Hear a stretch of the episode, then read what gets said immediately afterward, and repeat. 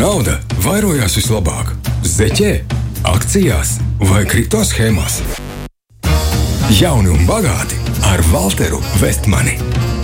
Valter Vēsmanu, labrīt, es sveicu. Labrīt, čau. Pirms mēs sākam uh, tēmā iet iekšā, uh, šis, šo noteikti visi jau ir redzējuši. Reklāmas YouTube ir bijušas par vienu konkrētu kompāniju, kas tagad grasās Latvijā kļūt arī par banku, un viņiem ir IPO. Mm -hmm, mm -hmm. Firma, kurā tu savulaik esi darbojies. Esmu, jā. kurā tu esi darbojies. Uh, Kā tu, es nezinu, cik baies tu esi par to, vai nu, kāds, kāds ir, vai ne, tev uz kuru puses lietas tavs viedoklis runājot mm. par šo jautājumu. Es ceru, ka tu būsi gan neitrāls un uh, korekts, ie- ie- ie- ievērojot visus šos te, uh, ne, uh, neutralitātes principus. Laba lieta, vai ne? Vai ne pārāk? Kā tu uz to skaties? Oi, šis tāds ļoti bīstams jautājums, pēc kura man var ne, pakarināt. kur Kāpēc nevajag- pakarināt? Tas ir tavs viedoklis. Tu vari paust savu viedokli kā eksperts, nozars eksperts. Lūdzu, man. Nu, kā, es, es drīzāk teiktu tā, ka, um, piemēram, ja kāds apsver iespēju tās akcijas iegādāties, tad es vairāk aicinātu skatīties, kā tu vispār vērtēt uzņēmumu, kā tev viņš patīk. Um, ko viņš ir sasniedzis līdz šim, ko, viņ, ko viņš potenciāli varētu sasniegt nākotnē. Pie tā pat, ja tev ir salīdzinoši garantija, ka baibāk atpakaļ pēc diviem gadiem, ja viss aiziet pa fiasko. Tas arī tur jā, Kas ir diezgan, rakstīts, jā. uh, ja pieturas pie vārdiem, tad jau, nu, Jā, jo principā vispār, kad ir tādi jauni projekti, vai kas šis jau principā nav jauns, viņš tirgo jau ir piecus gadus un sasniedz īstenībā piecu gadu laikā diezgan daudz. Um, un tad vispār, ja skatās uz jebkādu šādu uzņēmumu, ko es darītu personīgi, es skatītos, kāda tur ir komanda tam visam apakšā, kas ir vadītāji, kas ir darbinieki. Un, ja tu tici, ka tā komanda ir spēcīga, tad, uh, nu, tad vajadzētu arī būt, ka viņi izdara to, ko viņi saka. Um, bet, ja tev liekas, ka tā komanda ir nu, kaut kas tur īsti līdz galam nav, tad drīzāk, uh, drīzāk, drīzāk nu, skatītos citu pusi. Um, bet arī, jebkurā gadījumā, nu, par jebkuru IPO, vai tas ir šis vai kas cits, um, nu, īstenībā viens paziņa uh, nesen rakstīja tieši par šo, šo pašu jautājumu Facebookā. Viņš teica, ka viņš nopirka uh, vir, uh, viens degvielas uzpildes uzņēmumu. jā, kas nu, pavisam nesen kotējās. Jā. kas pavisam nesen kotējās, jā, un tad viņš teica, o, re, kur cik gadi pagājuši, nav tur vēl apmēram, de, pieci, nav vēl izšāvis, jā, un kāda tur jēga bija. Bet uh, es tiem IPO drīzāk skatos tā, ja es tur ieguldu, es skatos nu, uz gadiem desmit. Un, uh, principā, ja arī tas uzņēmums kļūs par banku, nu, tad viņam ir potenciāls izsist kaut kādu sakarīgu tirgus daļu šeit. Un, uh, ja gada 10, 15 griezumā viņam to izdodas izdarīt, nu, tad būtu diezgan forši. Nu, tas ir tas, kā es to skatos. Jā, tad, Bet, uh, ja tu domā par investēšanu šāda veida dīlos, iepērkoties ar IPO, tad tas ir vismaz 10 plus gadu griezumā. Uh, es neteiktu, tas tāds rule of thumb, tas ir tāds, nu, kā es uz to skatos. Ok, ok, Jo, vēlreiz tas, pēc kā kā es- paskatīties uz IPO. personīgi Ok. to skatos, Paldies, jā. Valter, tev par šo. ja es nemaldos, tad šodien, man liekas, ir pēdējā diena, kad tur var pieteikties tām tā, akcijām. tā, Jā. ir- tā ir taisnība. Uh, stāsti par ko šodien?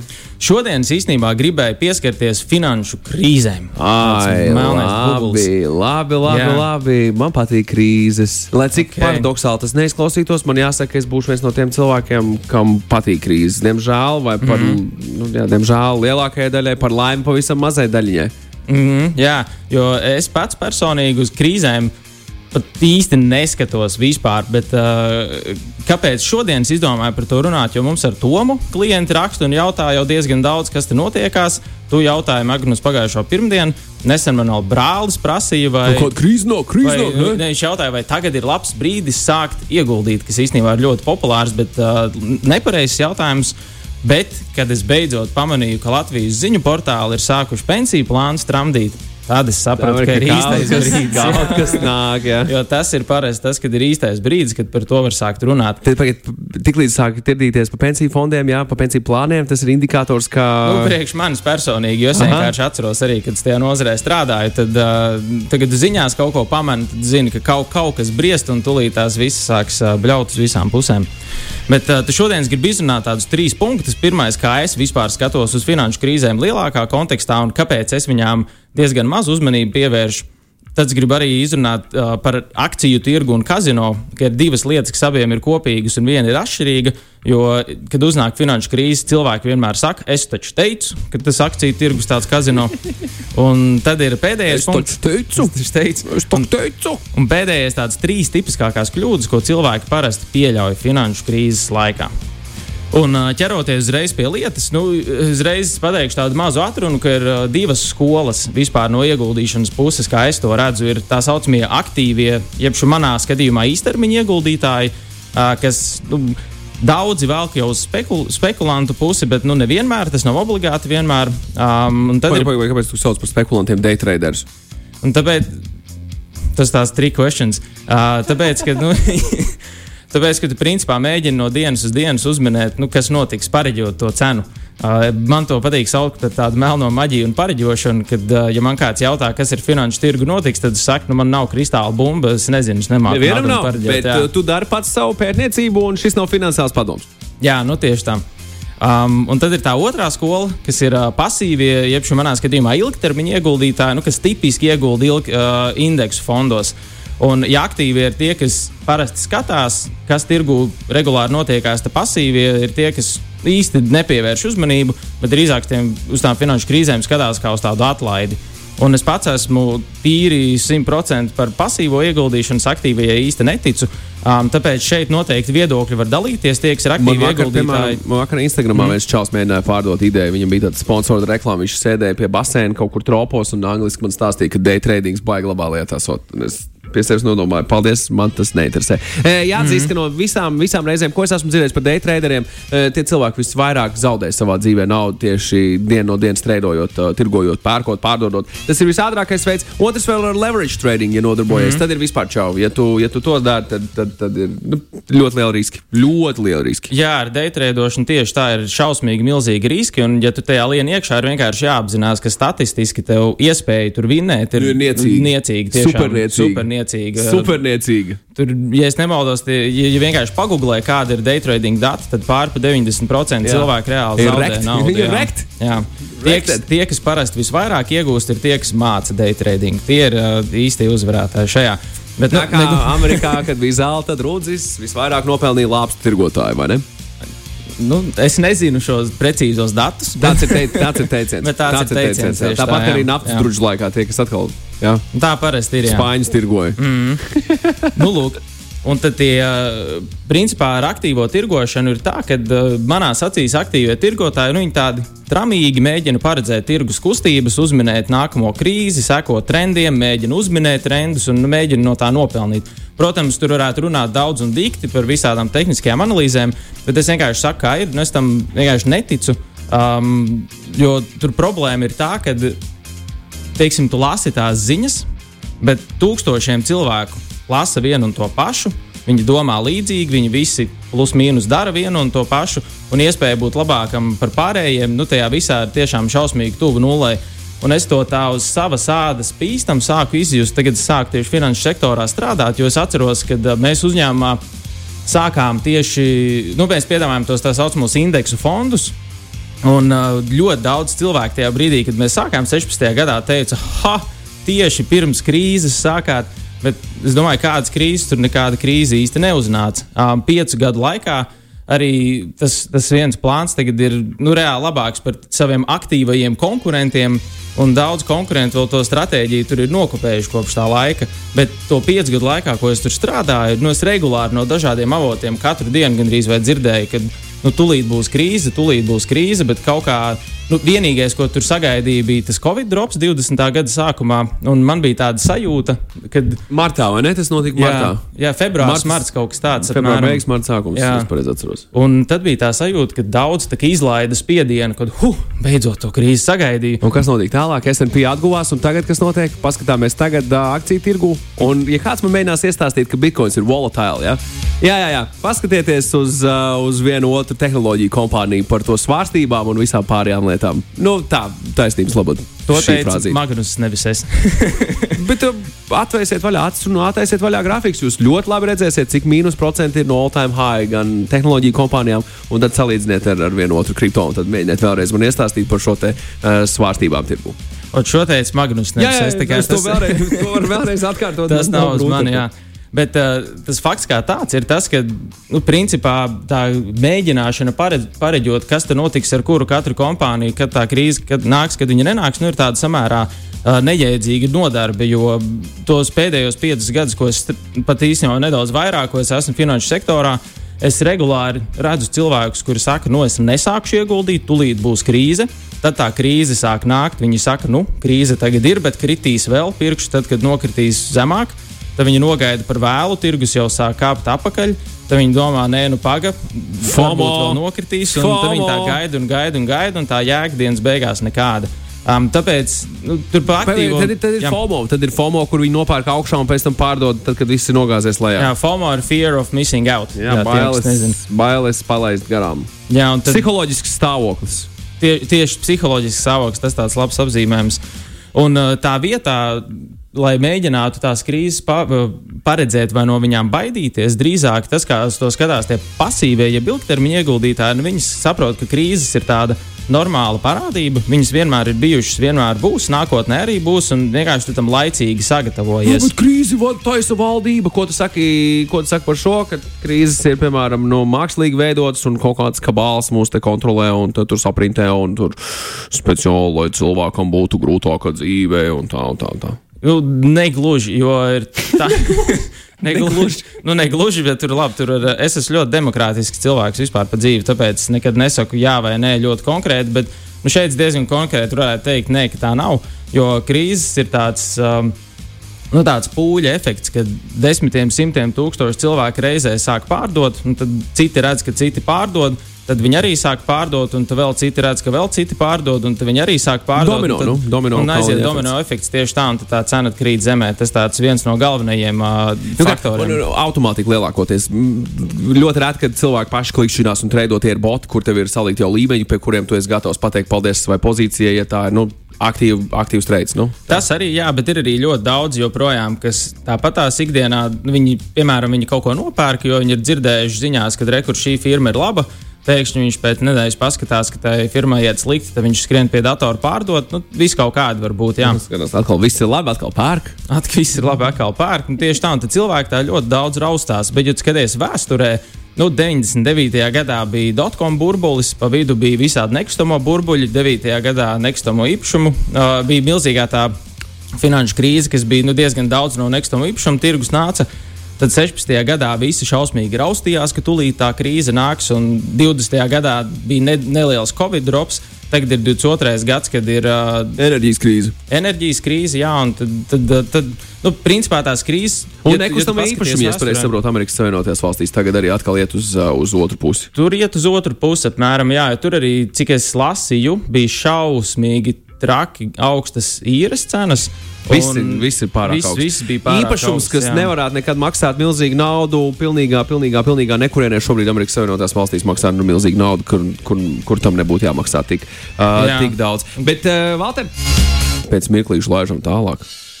Jauni un bagāti ar Walteru Vestmanu. Kur nauda vairojās vislabāk? Zeķē, akcijās vai kripto schēmās?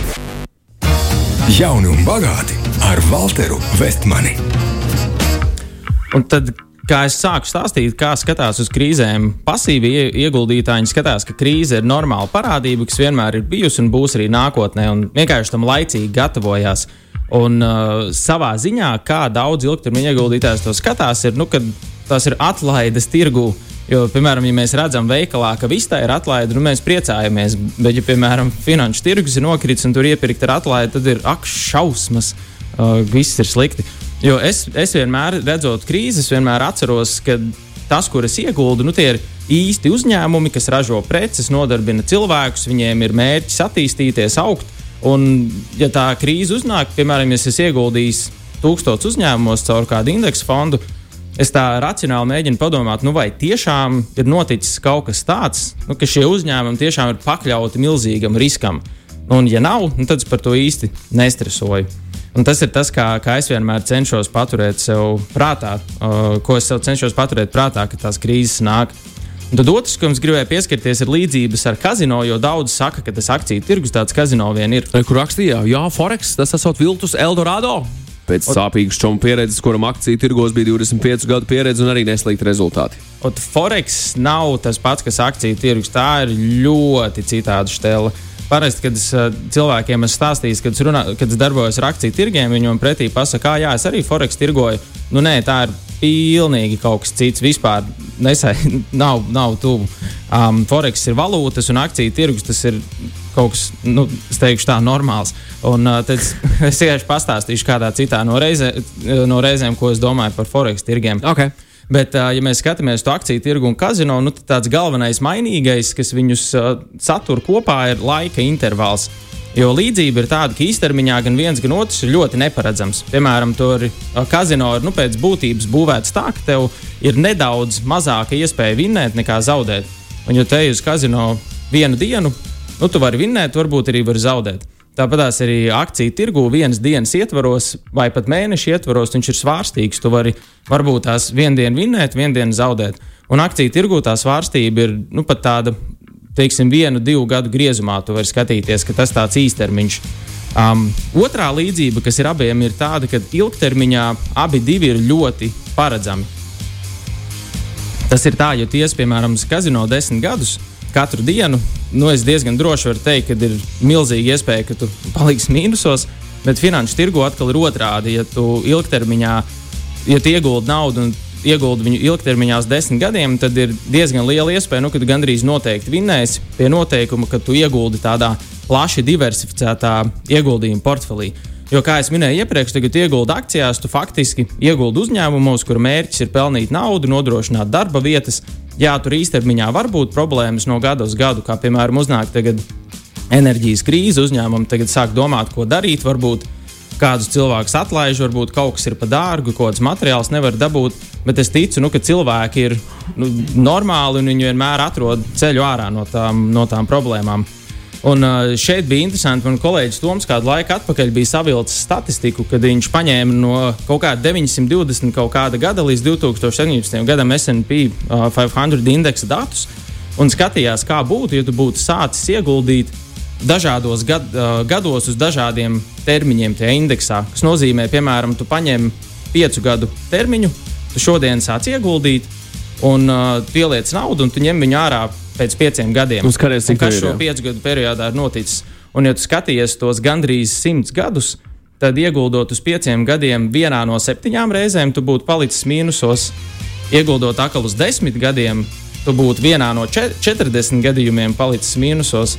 Un 20 gadu periodā datos nu, nebija neviens brīdis, kad būtu palicis mīnusos. Cik liela peļņa? Potenciāli bija? Tur bija ap des, kaut kas ap 10% vidēji gadā, kaut, kaut, kas, kaut kas tāds. Tur bija, nu, tur viņš svārstījās, tur sliktāk. Un, skaties, un tie 10%, tu tos 10% vari paņemt, tu tos 10% vari ielikt atpakaļ un krāt savu kopējo interesu, par, par, par, par nu, vispār portfeļu vērtību. Un, attiecīgi, nākamajā gadā, ja tev ir 10% peļņa, tev ir jau lielāka. Nu, tas viss nav saliktie procenti. Jā, jā, jā, jā. jā, tas tā vidēji bija skatoties. Jā.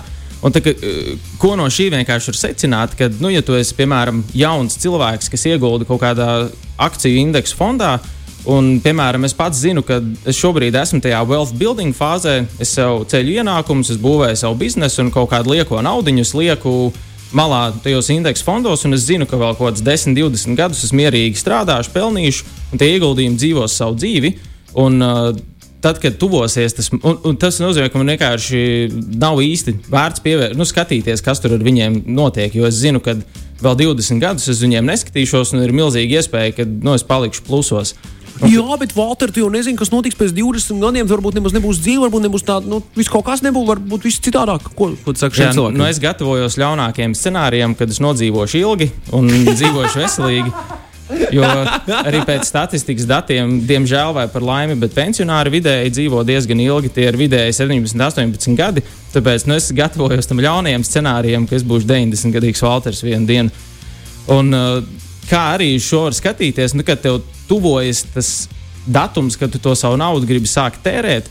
Tad tev ir izveidota tāda lieta, ko sauc par planēšanas trajektoriju, ko man liekas arī kolēģis Toms vai nu izdomāja, vai arī no kaut kurienes atrada. Bet tas nozīmē, ka tu laika gaitā maini portfeļa aktīvu alokāciju atkarībā no tava mērķa. Ja tu, piemēram, esi tagad 100% akcijās, tad tu pārliec daļu no portfeļa uz obligācijām, paralē, pa, pamazām, pamazām. Un uh, pēc tam tu vienkārši pie, uh, seko līdzi tam portfelim un regulāri viņu līdzsvaro, lai tā alokācija ir vietās. Un šis varbūt skan tā tehniski sarežģīti, bet ja, varbūt tās iedomīgi skanēs, bet ja īsti nav skaidrs, ko tas nozīmē, tad vienkārši nozīmē, ka vajag nu, vairāk izpētīt, kā tā, kā tā visa portfeļu, portfeļu teorija strādā. Jo tas ir tas, kā, nu, kā reāli cilvēki menedžē savus ieguldījumus. Nevis pērk un pārdod, bet uh, skatās kā uz tādu plānu. Ir visādas stratēģijas. Nu, par, par šo portfeļu menedžēšanu. Redītā, starp citu, arī ļoti interesanti palasīt. Uh, bija, bija vieni. Oi bija, bija viena, kas uh, bija izdomājuši arī ļoti interesantu veidu. Es, es negribu iet tur gan tehniski, man par to mm -hmm. tev būs jāparunā otrā pusē, tam, jo Bet, tas nu, jā, ir interesants stāsts. Tas fakts kā tāds, tā doma, ko es gribēju teikt, ir, nu, ka nevis tu streso no krīzēm, bet tev ir plāns un tu tikai zini. Tev tam, tas plāns ir uztaisīts 10, 20 gadiem, un tu zini, kā tur viņu tiksi galā laika gaitā. Un tad pēdējais punkts, kam es ātri pārskriešu pāri, kas ir liels Vai tipiskākās kļūdas šajā cilvēkiem, ko viņi krīzēs dara, viens ir krīt panikā. Jo tas nozīmē, ja tu neesi sagatavojies, ka tā krīze būs, tad viņa atnāk kā milzīgs pārsteigums, un tu baigi ietekmē vienkārši sāc kādus neizdevīgus lēmumus pieņemt. Otra tipiskākā kļūda ir sākt mēģināt mainīt plānus vai stratēģijas mm. krīzes laikā. Mm -hmm. Zinām, ka tu esi izdomājis plānu, uznāk krīze, un pēkšņi viss nomainās. Viņš tev ir kā augsts ūdens spainis uz galvas, un tu pēkšņi sāc visu kaut ko mainīt. Tāpēc tur ir ieguldīšanas psiholoģija, kas tajā brīdī ieslēdzas, ka tev ir jāmāk pieturēties pie tā savu plānu. Un trešais ir vienkārši baidīties no krīzēm un to krīžu dēļ nesākt ieguldīt, ko īstenībā šausmīgi daudz dara. Un, kad jūs redzat tādas krīžu ziņas, es aicinu padomāt, nu, vai, ja es izlasu to kliedzošo virsrakstu, nu, vai es no tā kaut ko iemācos, vai arī tas vienkārši man tikai tā iztramda. Un uh, tipiski, ja tu esi ieguldītājs, kurš iegulda ilgtermiņā un saproti, kā tās krīzes strādā, tad var diezgan mierīgi prātu dzīvoties. Paldies, Valter, tev par, par jaunu bagāti. Paldies par krīžu apskatu. Es domāju, ka mēs vēl tās krīzes varēsim vēl papētīt. Tur dziļāk. ir ļoti daudz ko runāt. Paldies, līdz nākamajai reizei, līdz nākamajai pirmdienai, Valter. Čau! Jauni un bagāti ar Walteru Vestmani. Raidījums starp sadarbībā ar neatkarīgo producentu Vestmanu Mīdiju.